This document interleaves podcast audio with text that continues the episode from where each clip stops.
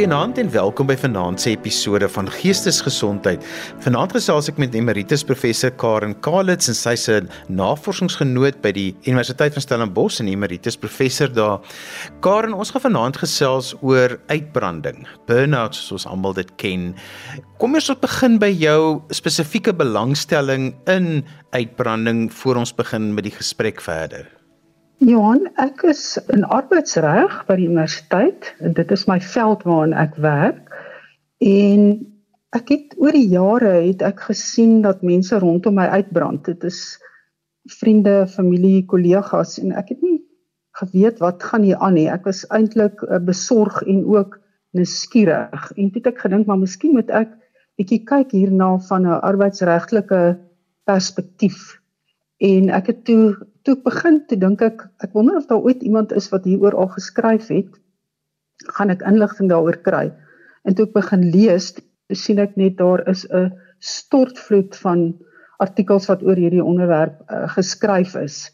En um, ek dink daar's nog steeds baie onkunde. Ek leer elke dag en um, so ja so dit dit is dit is waar ek nou vandaan kom en waar ek nou begin skryf daaroor ek het net gedink daar moet 'n definisie wees vir uitbranding want mense gebruik dit maar uh, los en vas en niemand weet eintlik wat dit is nie. So die Wêreldgesondheidsorganisasie erken uitbranding as 'n uh, nie as 'n siekte nie, maar hulle omskryf dit as 'n verskynsel. Jammer dat hulle dit nie erken as 'n siekte nie. En hulle sê hierdie verskynsel word veroorsaak deur kroniese werkplekspanning wat nie suksesvol bestuur is nie en um, uitbranding word volgens die Wêreldgesondheidsorganisasie gekenmerk deur drie dimensies wat saam die Maslach Burnout Index MBI vorm om vas te stel of iemand nou aan uitbranding ly of nie. En die dimensies wat mense seker ook simptome kan noem is uiterste fisiese en emosionele uitputting. Dit is 'n uh, sinisme of 'n losmaking van jou werk. Dit is ehm um, asof mense nie as hulle in die gesondheidsorg is, asof hulle minder omgee vir hulle pasiënte. 'n uh, Onderwyser sal miskien minder omgee vir uh, die uh, uh, leerdlinge in die skool en dis nie omdat hulle nie meer wil omgee nie, dit is om hulle self eintlik te beskerm want hulle kan dit eintlik nie meer verduur nie. En dan 'n laaste dimensie is verminderde effektiwiteit. So persone kan nie meer hulle werk so goed doen soos wat hulle dit kon doen nie. En dan is daar 'n vierde dimensie wat eintlik bygevoeg is deur mense wat aan uitbranding gelei het wat gesê dat hulle denkprosesse word negatief geraak. Hulle is nie meer so vinnig uh, om um probleme aan te spreek nie. Hulle ly 'n bietjie aan geheueverlies uh ensovoorts. So dit is nou om net kortliks te sê wat uitbranding is. Die Wêreldgesondheidsorganisasie het ook gesê uitbranding moet in die werkskonteks gebruik word. So mense wat dan ehm um, eintlik die baie van hierdie simptome het en dit kan oorvleuel met depressie en angs ensovoorts. Mens behoort eintlik nie uitbranding te gebruik as dit nie met die uh, werkplek verband het nie as dit nie in daai konteks gebeur het nie. Karen, dit is so 'n realiteit en dit voel vir my na Covid is dit nog 'n groter realiteit, veral toe mense begin terugkeer na die werksplek toe. Dink ek was dit net baie meer sigbaar gewees en baie meer mense voel dit vir my, daar's selfs nie meer mense wat aan uitbranding ly nie, maar dis net baie meer sigbaar voel dit vir my.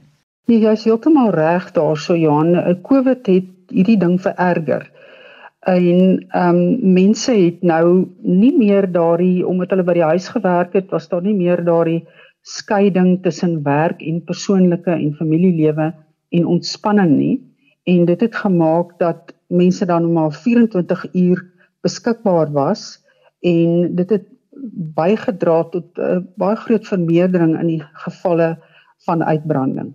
Karen, dit voel ook baie keer vir my as dit by uitbranding kom is ja, mense is verskriklik bewus van die simptome en soos wat jy dit ook nou opgenoem het, dan begin 'n mens dink, "Sjoe, dit is nogal van toepassing op my as ek na hierdie goeters luister." Maar baie keer is dit ook die mense om jou wat dit eintlik eerste raak sien en ook sien jy is op pad daarheen. Ja, ja, nee, dit is dit is definitief so. En uh baie keer is hierdie familielede en vriende, kollegas miskien ook is is amper magteloos om iets aan die situasie te doen. Hulle sien daar is iets verkeerd. Uh maar kan nie eintlik iets daaraan doen nie. So dit is dan baie belangrik dat werkgewers eintlik weet wat is uitbranding? Wat veroorsaak dit? Uh, wat is die gevolge daarvan? Hoe kan ons help as dit reeds gebeur het? En daarvoor moet ons meer praat en dan moet meer inligting wees. Die mense wat aan uitbranding ly, is ongelukkig dikwels voel hulle dit is 'n teken van swakheid en hulle wil nie na vore kom of dit erken nie. Hulle voel maar hoekom kan ek nie my werk doen nie? Wat is verkeerd met my?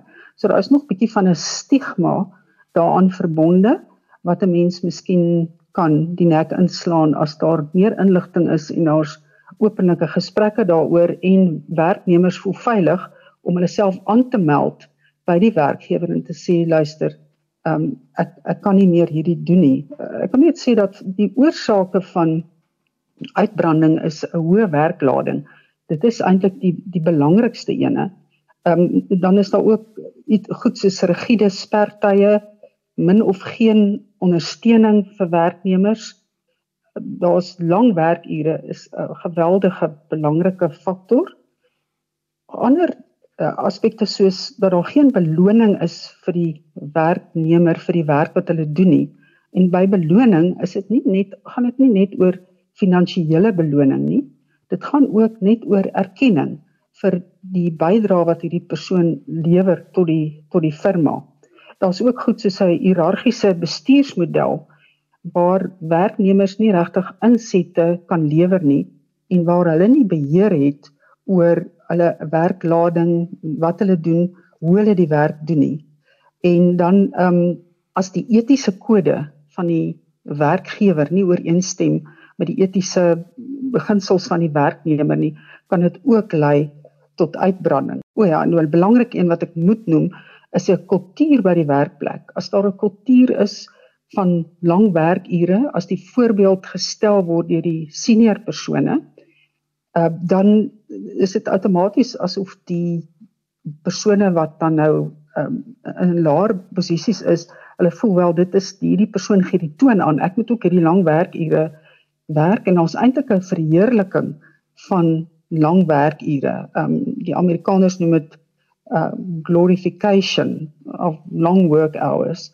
So ehm um, daardie is 'n is 'n baie dit is dan eintlik 'n toksiese omgewing uh, wat wat geskep word en dit kom van van bo af. En as dit gestuit kan word waar mense kan insien dat dit is nie noodwendig lang werkure wat groter produktiwiteit en groter effektiwiteit uh, tot gevolg het nie.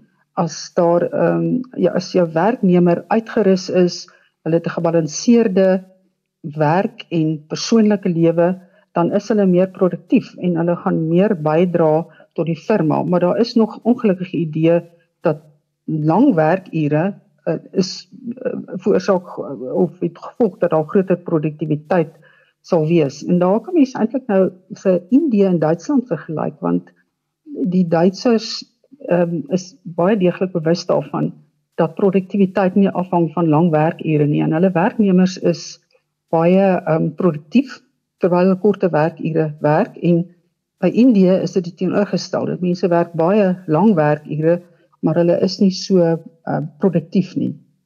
So ja, dit is is min of meer uh, wat ek kan nou sê oor die die uh, oorsake van um, uitbranding. Daar is natuurlik deesdae nou ook word baie gepraat en nie net gepraat nie oor the right to disconnect wat mens kan vers, uh, vertaal met die reg om af te skakel en in baie Europese lande is daar wetgewing of daar is uh kodes aanvaar oor hierdie uh, reg om af te skakel.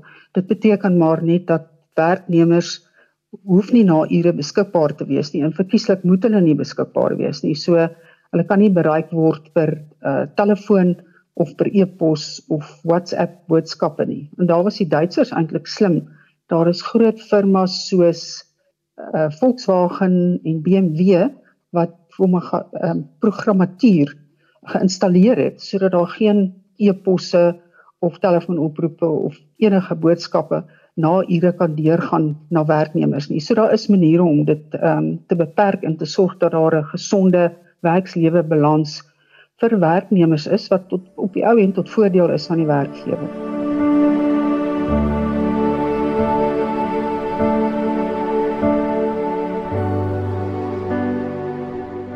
Karen het wel nog so klein bietjie meer ingaan op oor die oorsake en die effekte van uitbranding.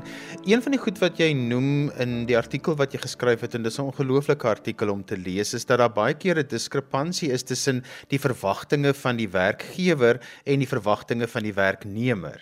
Dis reg. Ja, so as daardie verwagtinge verskil, en mens kan sê dis eintlik 'n wat hulle noem 'n psigologiese kontrak, is nie op skrif nie. Uh wat amper ges, gesluit word in aanhalingstekens tussen die werkgewer en die werknemer voor die persoon met werk begin. So as daar dan 'n um, verskil is, dan kan dit definitief lei tot uitbranding. So soos ek het net nou vinnig genoem van die die etiese kode van die maatskappy. 'n Maatskappy kan dalk 'n fantastiese kode hê hê oor hoe hulle byvoorbeeld die omgewing sal bewaar as dit 'n mynmaatskappy is en uh die werknemer het aan die begin gedink ja, dis goed. Ek ek is ek lewe ook groen in aanhalingstekens. So ek, ek kan my vereenselwig met hierdie maatskappy, maar dan stort die maatskappy chemiese afval in riviere en so aan. En dan voel hierdie persoon maar ek wil nie by hierdie plek werk nie want ek kan my nie daarmee vereenselwig nie. En as daar ook nou uh, nie uh ooreenstemming was oor seker goed by die werk nie ehm um, wat wat is die werksure? Wat word van my verwag? Wat is my 'n uh, eh, werksbeskrywing wat ek moet doen? Dan kan dit ook ehm um, definitief lei tot uitbranding. So, wat kan mense se werknemer byvoorbeeld doen as daar hierdie diskrepansie bestaan tussen hierdie verwagtinge van jou en jou baas? Nou, mense kan dit seker opneem. Jy kan dit opneem met jou werkgewer, maar die werkgewer is dan nog nie altyd uh bevatlik daarvoor nie. So dit is maar bietjie van 'n probleem. Ehm um, as daar 'n menslike hulpbron afdeling is by 'n werkplek, dit moet natuurlik 'n groot plek is wees, dan kan so iemand um, so 'n werknemer kan dit dan met daardie persone opneem. Maar ehm um, ja, dit is die die werkgewer moet nou uh, simpatiek wees. En soos ek gesê, dis verskriklik belangrik dat daar inligting moet wees hieroor dat werkgewers bewus is daarvan as ek my werknemer op 'n sekere manier hanteer, gaan hy of sy nie uitbrand nie, gaan hulle gebalanseerde lewe hê, gaan hulle meer produktief wees. So dit gaan eintlik alles oor hierdie inligting waarvan daar te min is. So ek is baie ten gunste van 'n goeie praktykskode wat aanvaar kan word waarin die uh, daar uiteengesit word wat uitbranding is, wat die oorsake daarvan is en wat die gevolge daarvan is sodat werkgewers en werknemers bewus is van hierdie siekte wat eintlik epidemiese afmetings uh, aanneem deesdae. En dan kan mens van daar af werk maar as daar nie kennis daaroor is nie dan gaan dit nie eintlik help vir 'n enkele werknemer om 'n 'n werkgewer te gaan sien nie. As die persoon 'n vakbond het kan hy kan hy of sy deur die vakbond werk maar daar is ook nie um, genoeg kennis om hierdie probleem te hanteer nie So ja, as mens so 'n goeie praktykskode het, dan kan dit daarin uiteengesit wat aanvaar word vir die werkplek, dan moet elke werk uh plek moet dan hulle eie kode eintlik ontwikkel wat gaan oor uh, werkure, die ehm um, die reg om af te skakel want verskillende werkplekke het ook verskillende ure nodig. So jy kan nie ehm um, persone in die gasvryheidsbedryf uh persone in gesondheidsorg uh oor dieselfde kam skeer as mense wat um in 'n in 'n besigheid werk en winkelassistente is nie. So daardie uh, kode gaan verskriklik baie help met hierdie probleme wat daar is. En um en uitbranding het geweldige ernstige gevolge. Dit kan lei tot um ischemiese hartaanvalle, uh ischemiese beroertes uh, wat beteken dat uh, streshormone word in die bloed vrygestel en dit maak dat min suurstof na die brein en na die hart toe gaan en dit kan natuurlik fataal wees en dit is in baie gevalle is dit fataal en so behalwe die fisiese siektes wat daar is um, is dit ook kan dit nou lei tot drankmisbruik. Ehm um, uit, uitbranding kan lei tot drankmisbruik, tot ooreet, tot ehm um, misbruik van ehm uh, voorskrifmedisyne ehm um, en daardie tipe van ding. So die die gevolge is geweldig ernstig en dit het 'n uh, impak op die familie, dit het 'n impak op die openbare uh, gesondheidsorg. Ehm um, so hierdie ding moet eintlik aangespreek en gestuit word. Ek wil ook 'n bietjie gesels oor mense se persoonlikhede en jou persoonlikheidstipes, want party persoonlikheidstipes kry makliker uitbranding as ander. Ja, jy is heeltemal reg daarso. En die mense wat makliker uitbrand brand is dan mense wat uh, onderliggende ehm um, neurotiese uh, probleme het.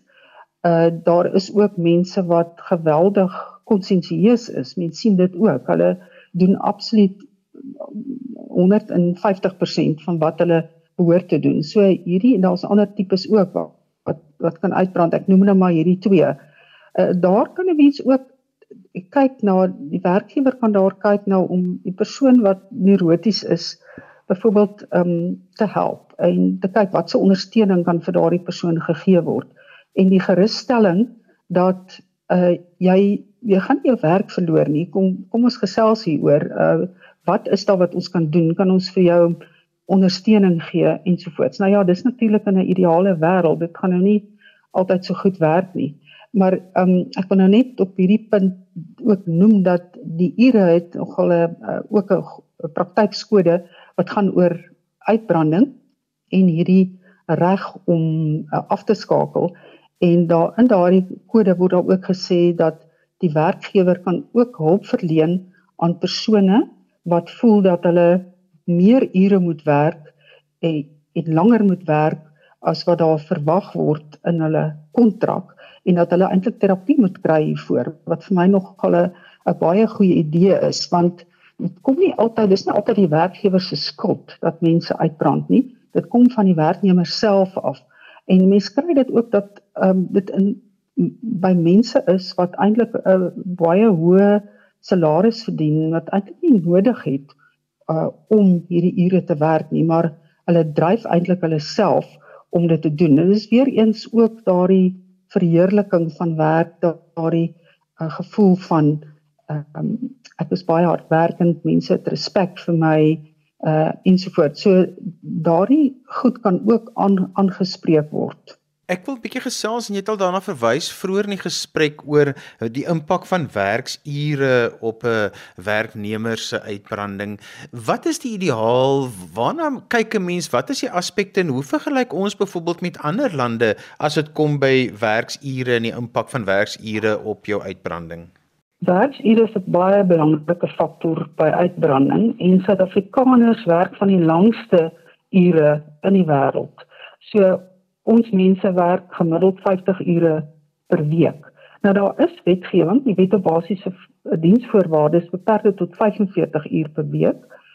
As vir mense wat onder 2000 um 225000 rand per jaar verdien. Die by ander mense is daar nie 'n beperking nie en dis ook waar die gevaar kom, want daai mense is nou glad nie aan 'n beperking onderworpe nie, so hulle werk nou so lank soos hulle wil eintlik en dit is gevaarlik. Maar ons het 'n 45 uur uh werksweek. Die ideaal is dat ons na 40 toe sal beweeg. Nou kan 'n mens vra ja, ons het 45 ure, hoe kom jy nou by 50 ure uit? Baie mense werk oor tyd want hulle probeer hulle salaris aanvul. So daar is nou ook 'n um, 'n uh, aanhangsel by die wet op basiese diensvoorwaardes wat eintlik gaan daaroor dat Suid-Afrika moet poog om tot 'n te keer na 'n 40 uur werkweek vir almal, maar dit is nou tot dusver is daar nie vreeslik baie aandag daaraan gegee nie. So ons bly maar eintlik by 45 uh uur. Ehm um, maar daar is nou 'n 'n inisiatief wêreldwyd, dis eintlik 'n loodsprogram waaraan lande en besighede hulle word genooi om daaraan deel te neem en die bestuurskool by Universiteit van Stellenbosch is ook betrokke daarbey. So dis 'n loodsprogram om vir werkgewers te sê, kom ons probeer hierdie, kom ons probeer 'n 4 dag werkweek dan gaan jy nou nie daai 4 dae laai met al die ure wat jy nou uh, sou in elk geval in in 5 dae werk nie. En kyk net hoe dit werk want die idee daar agter is dat mense gaan um, meer produktief wees en hulle gaan 'n gesonder gesonder werknemers wees um fisies en psigies en dit gaan oordra op die familie en die kinders wat hulle moet grootmaak um, gaan dan verantwoordelike volwassenes wees waar andersins kan die kinders 'n knou kry as die ma en die pa nou nie genoeg betrokke is nie of altyd uitgeput is. So ja, dit is 'n wonderlike inisiatief en ek hoop regtig dit werk, dis die regte rigting om in te gaan en ehm um, hier in Suid-Afrika is daar sover ek weet al een besigheid wat gesê het maar hulle wil daarbey aansluit wat 'n konsultasiemaatskappy is en hulle het gesê ons gaan dit doen. So ek hoop regtig hierdie is suksesvol en ek glo dit sal wees. Jy het ook al vroeër verwys na the right to disconnect. Wil jy net 'n bietjie meer vertel van wat dit beteken en hoe dit van toepassing is dan om uitbranding te voorkom nie? Ja, soos langwerkure is mm, regtig een van die belangrikste faktore by uitbranding wat bydra daartoe. En die feit dat in die tyd waarin ons lewe is net so maklik om altyd gekonnekteer te wees uh met jou 'n skootrekenaar, jou jou selfoon ehm um, ensovoorts. So hierdie right to disconnect is nou groot nuus in Europa en dit het eintlik begin in Frankryk in 2002 met 'n werknemer wat geweier het om leers saam te neem huis toe en van die huis af te werk na ure. En sy werkgewer het hom toe ontslaan. Hy's hof toe en die Franse hof het uh, gesê die werknemer is korrek, hy hoef nie dit te doen nie. En van daardie af was dit nou nog 'n proses gewees tot daar wetgewing in 2016 in Frankryk aangeneem is wat ehm um, die gevolg het dat werknemers die reg het om af te skakel het hierdie right to disconnect en dit is gevolg deur ander lande sodat daar nou al in België en in Nederland en in Duitsland en verskeie ander Europese lande bestaan hierdie reg van 'n werknemer. So 'n werkgewer kan nie verwag dat jy na ure moet werk of oproepe ontvang 24 uur beskikbaar moet wees nie want daar's net 'n bewustheid van hoe nadelig dit vir iemand se gesondheid is.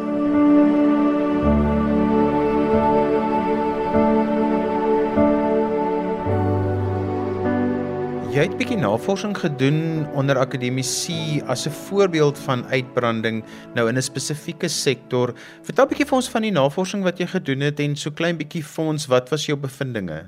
Ja, ek het maar daarin belang gestel omdat dit nou maar die omgewing is waarin ek werk en daar is nogal sulke eh, sektorspesifieke studies wat baie interessant is, ehm um, ook in Suid-Afrika gedoen. En ek kan net gou sê dat die die die sektore waar mense die meeste uitbrand, mees dikwels uitbrand, is die gesondheidssektor, die verpleegsters en dokters, dan mense wat maatskaplike werk doen, mense wat in onderwys betrokke is, brand ook baie maklik uit, dan ook uh, konstruksiewerkers en um in die vervaardigingssektor uh, en ook die gasvryheidsbedryf uh, brand mense maklik uit. So wanneer ek nou sê dat uh, mense in onderwys maklik uitbrand en dis omtrent die derde of die vierde grootste uh, gevaar dat jy in daai sektor sou uitbrand dan dink ek nou nou ook dan sluit 'n mens nou ook eintlik die uh universiteite ehm uh, tersiêre onderrig sluit jy daarbey in. So daar het ek bevind of ehm um, gesien eintlik dat die meeste uitbranding kom voor by vrouens en dit is oor al die sektore is dit uh, is dit dieselfde en dis veral jong vroue met kleiner kinders uh, wat makliker uitbrand as enige iemand anders. Dan is daar ook um mans wat tussen 30 en 39 in die akademie brand hulle baie maklik uit en dit is omdat um hulle nog baie hard moet werk om hulle self te vestig ensovoorts. Die mense tussen uh 40 en 49 brand ook maklik uit omdat hulle dan groter verantwoordelikheid uh begin te neem. Um want hulle is in bestuursposisies ensovoorts. En dan die groep wat wat ouer is wat nou al kan mens maar sê hulle merk gemaak het hulle het nou hulle posisie, hulle hoef nie meer um, te veg vir erkenning ensovoorts nie. uh dis tussen 50 en 60 en ouer, hulle brand die minste van almal uit. So dis nou nogal interessant as mens nou daarna gaan kyk. Karen, watter beskerming is daar vir werknemers as jy aan burn-out of 'n uh, uitbranding ly of jy is besig om daarna toe te gaan? Want ek meen almal van ons is bang ons verloor ons werk en ons was altyd so doelgerig, ons kon ons werk doen en ons was altyd op datum en skielik is dit 'n heeltemal 'n ander prentjie wat nou by die werk voorkom. Is daar enige beskerming wenke? Hoe pak 'n mens dit aan? Ja, daar is beskerming. Ek dink net daardie beskerming is totaal ontoereikend. Die gemeenereg plaas 'n plig op werkgewers om 'n gesonde en veilige werksomgewing vir uh, werknemers te skep en te onderhou. En dit is nou ook bevestig in die Hooggeregshof in 'n saak Media 24 versus Grobler dat die werkgewer is ook verantwoordelik vir die psigiese gesondheid en nie net die fisiese gesondheid van 'n werknemer nie. In daardie geval het dit gegaan oor 'n vrou wat aan posttraumatiese stres gely het nadat sy seksueel getuister is. So dit was nou nie uitbranding nie, maar ek ek sou dink dat 'n mens ook uh, in die geval van uitbranding sou jy 'n saak kon bring, siviele saak op uh, berus wat berus op 'n uh, delikte reg, die nalatigheid van die werkgewer wat dit in hierdie geval ook was, uh, dat die werkgewer vir jou te veel werk gegee het, uh, dat daar te lank werkure was en dat hy as gevolg daarvan uitgebrand het. Maar soos ons almal weet, as jy na hof toe gaan, dan is dit 'n lang proses en dit is 'n duur proses. So nie baie mense sal eers kans sien of het die finansies om daar te gaan nie. Dan is daar ook die uh, wet op basiese diensvoorwaardes wat sê dat werkgewers is verplig ook om die gesondheid en veiligheid van werknemers en ook hulle interessant genoeg hulle gesinsverantwoordelikheid in ag te neem um by die werkplek. So daar is hierdie plig op op werkgewers ook die wet op gesondheid uh, beroepsgesondheid um het bepalinge wat die werkgewer verplig om 'n gesonde te sorg dat die uh, werksomgewing gesond en veilig is. Uh en daar word ook verwag van 'n werkgewer om 'n uh, tipe van 'n assessering te doen om uit te vind wat watter risiko's is daar vir my werknemers hier by hierdie werkplek van my is daar ehm um, die gevaar dat dat hulle ledemaat kan verloor deur die omdat masjinerie nie veilig is nie is daar 'n gevaar dat hulle deur chemiese stowwe benadeel kan word. So as mens daardie wet lees, dan kom jy agter jy jy sou kon ehm um, 'n psigiese siektes siekte toestande daarbey insluit en sê dat die werkgewer ook verantwoordelikheid moet neem om dit te voorkom, maar daar word niks daarvan gesê nie. So dit gaan alles as jy dit lees, sien jy dit gaan alles oor gaan kan jy 'n arm verloor, kan jy oorval word deur gifgasse, moet jy um beskermende klere dra in sommige omstandighede. So word absoluut niks daarvan gesê van enige psigiese uh, siektes toestand nie of hoe om dit te voorkom nie.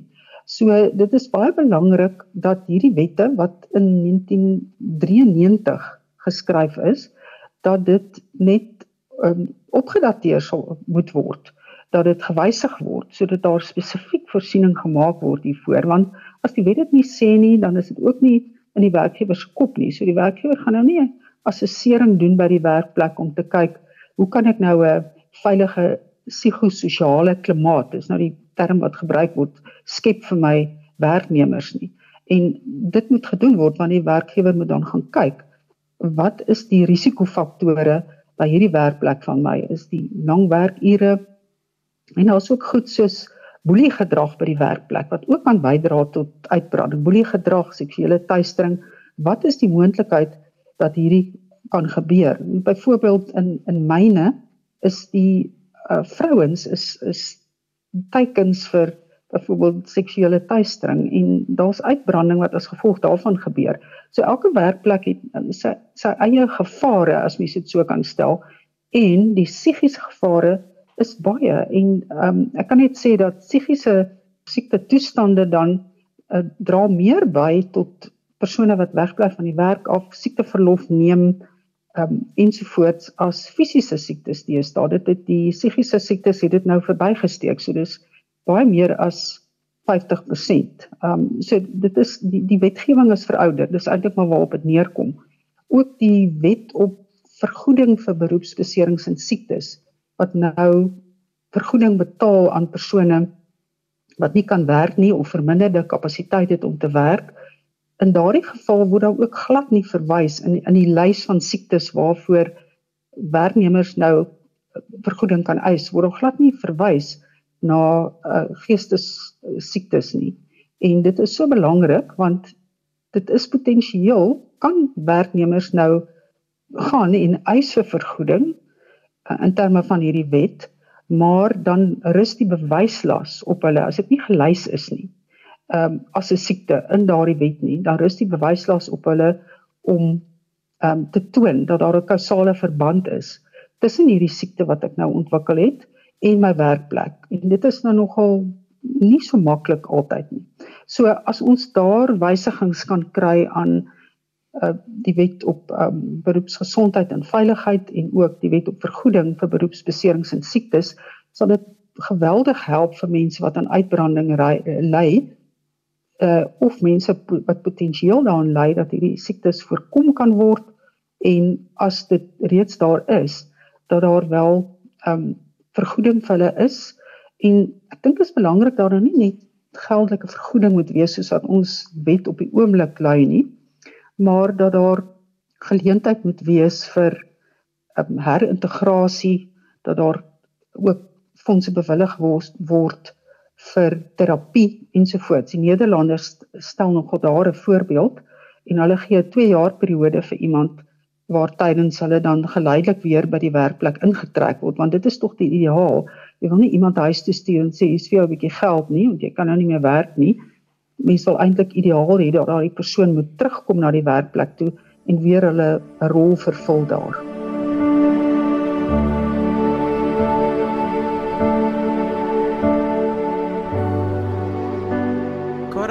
Nogal baie gebeur is is dat iemand begin en hulle het 'n goeie loopbaan en hulle presteer en as gevolg van al hierdie faktore wat gebeur dan begin die uitbranding nou 'n realiteit te word. Die werkgewer is aanvanklik baie simpatiek en dan op 'n stadium raak die onderprestasie so groot dat die werkgewer gefrustreerd raak en dan baie keer lei dit tot konstruktiewe ontslag of 'n onregverdige ontslag waar dit opgestel word.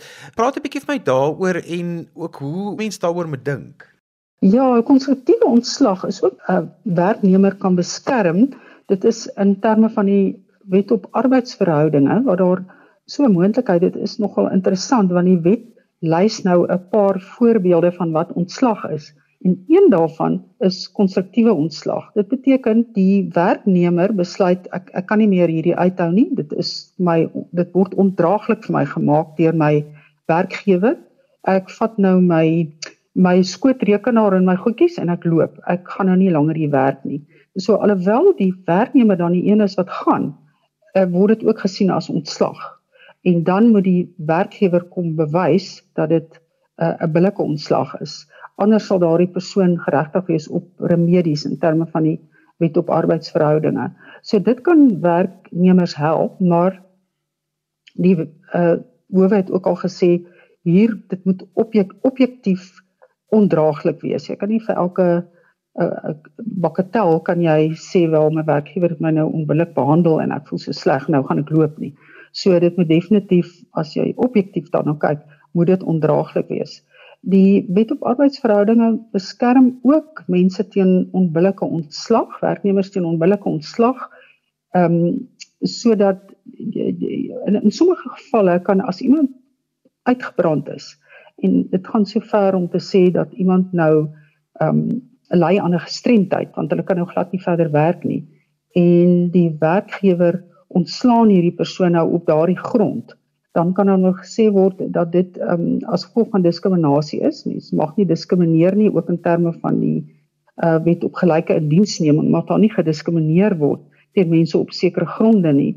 En van daardie gronde is dan gestremdheid. En as jy nie langer kan werk nie, kan dit as 'n gestremdheid gesien word die werkgewer jou dan ontslaan of op 'n ander manier teen jou diskrimineer, dan uh, kan jy natuurlik hof toe gaan en ehm um, jy kan daar dan skadevergoeding eis uh ensovoorts. So daar is beskerming in wetgewing.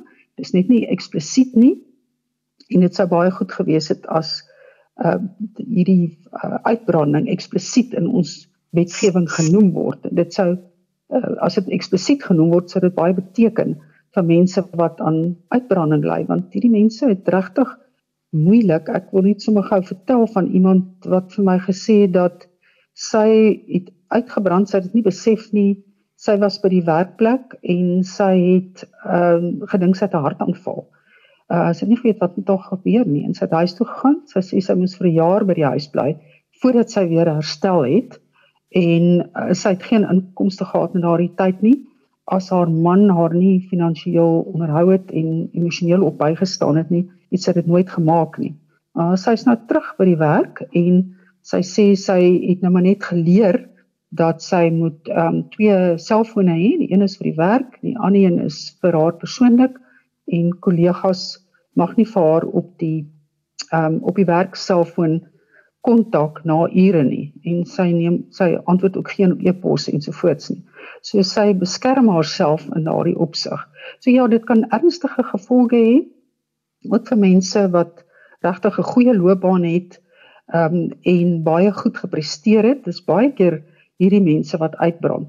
Maar daar is daar is dinge wat jy kan doen om jouself te beskerm. Ehm um, dit hang natuurlik ook af van die werknemer. Werknemers moet dis nie altyd die werkgewer wat hierdie druk plaas nie, soos ons al gesê, dis mense wat baie uh, hoë ambisies het wat wat ook ehm um, lei aan uitbranding en dit is nou maar ook weer dan kom ons nou weer terug by daardie persoonlikheidstipe. Ek wil net sê dat die werkgewer kan ook as iemand nou regtig ehm um, nie verder kan werk nie, dan kan die werkgewer ook iemand ontslaan, maar dan moet sekere stappe gedoen word. Um, ons ons praat van mediese ongeskiktheid. So die werkgewer moet dan eers probeer om daardie persoon 'n ander pos te plaas, ehm um, die persoon se werksverpligtinge aan te pas daar's 'n pad wat geloop moet word, maar uiteindelik as hierdie persoon glad nie meer kan werk nie en daar's nie ehm um, hoop op uh herintegrasie nie, dan kan so 'n persoon ontslaan word. So mense moet daarom ook net altyd onthou dat die werkgewer ook regte in hierdie verband het en dat so 'n persoon dan ja op die ou en kan ontslaan word. Dis altyd baie jammer as so iets gebeur. Maar daar moet 'n proses gevolg word voor die tyd wat 'n mens hooplik hierdie persoon nog binne die besigheid kan akkommodeer. Karen, dit voel vir my uit die gesprekke dat daar's verantwoordelikhede aan die werkgewer se kant, daar's verantwoordelikheid aan die werknemer se kant om uitbranding te hanteer en te voorkom.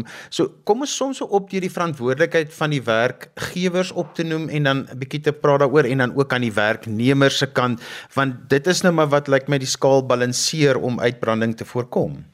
Ja, jy is heeltemal reg. Ehm um, Johan, dit kom van twee kante af. So wat die werkgewer betref, hier staan hierdie plig om 'n veilige werksomgewing te handhaaf en ehm um, om die waar waar al werknemers is wat sal ek sê probleme ondervind sien nou maar hulle hulle is nie meer so so flink met hulle werk nie. Hulle kan nie meer alles doen wat vir hulle verwag word nie uh, dan moet die werkgewer soos ek gesê het moet 'n uh, proses volg om voordat so 'n persoon ontslaan kan word maar dan word van 'n werkgewer verwag om ondersteuning aan so 'n persoon te gee en dit is uh, ek kan my sê dis meer as 'n morele uh, plig. Ehm um, die werkgewer word deur hierdie wetgewing wat ons het, word die werkgewer ingebind om prosesse te volg voordat so 'n persoon nou ontslaan kan word. En my argument vir die praktykskode kom eintlik daarbey in dat dat as werkgewers en werknemers genoeg kennis het oor uitbranding dan gaan dit baie minder voorkom. So ja, werkgewers het hierdie plig vir 'n veilige werksomgewing en dan ook ondersteuning aan werknemers wat nie meer die pas kan kan volhou nie. Um, hulle moet byvoorbeeld um berading kry, hulle moet uh leiding kry van die uh, werkgewer hulle moet tyd gegee word om weer um, op volle kapasiteit te kan werk en as dit glad nie werk nie en dis eintlik 'n siekte toestand dan moet hulle geakkommodeer word in die werkplek. Wat werknemers betref, dink ek moet daar ook kennis wees van uh, wat gaan my laat uitbrand. Ehm uh, wat is die wat is die rooi liggies wat aangaan? En ek weet daar's baie firmas wat met werknemers sulke gesprekke het. Hulle sê hier's hier's jy moet die rooi vlaggies met jou dop hou as jy nou later as jy ly aan slaaploosheid, ehm um, as jy uh, as jy meurig is, as jy ehm um, depressief voel, ehm um, as jy voel jy het nie meer jy sien nie meer die sin van die lewe in nie, dan is dit 'n rooi vlag en dan moet jy en ons sit en kyk wat ons kan doen. So daar is sulke firmas, ek ek is bewus daarvan dat hulle moeite doen en dat hulle simpatiek is. So maar werknemers moet hierdie verheerliking van werk van dit is waarvoor ek lewe. Ek het nou 'n artikel met die opskrif gelees, your work is not your god.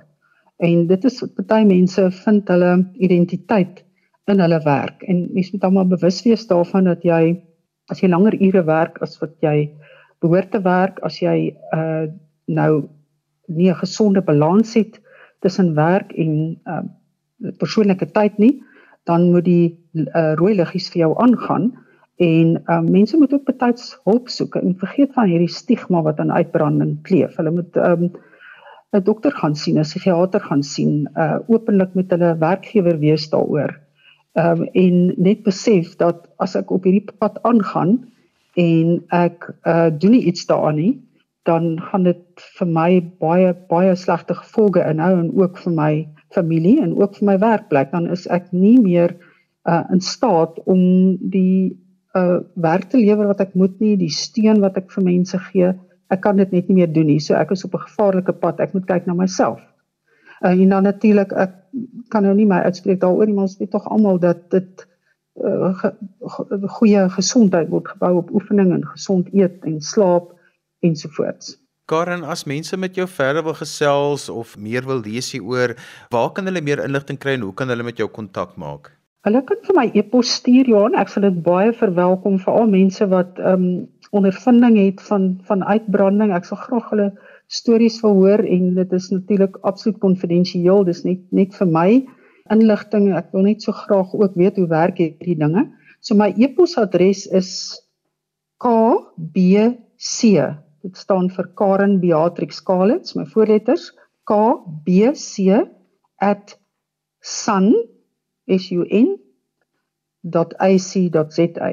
En so gesels emeritus professor Karen Kalitz, sy is ook 'n navorsingsgenoot by die Universiteit van Stellenbosch. Ons het vanaand gesels 'n bietjie oor uitbranding en al die aspekte rondom dit. Karen, baie dankie. Dit was 'n absolute insiggewende gesprek. Dankie vir die uitnodiging Johan, ek waardeer dit. En daarmee ons gekom aan die einde van vanaand se geestesgesondheid. Onthou jy kan weer na vanaand se program luister as 'n potgooi en laai dit af by resgep.co.za. Skryf gerus vir my 'n e e-pos by Johanvanlull@gmail.com en onthou daai Johan het net een N. En daarmee groet ek dan vir vanaand. Kyk mooi na jouself. Tot volgende keer van my Johan van Lill. Totsiens. thank you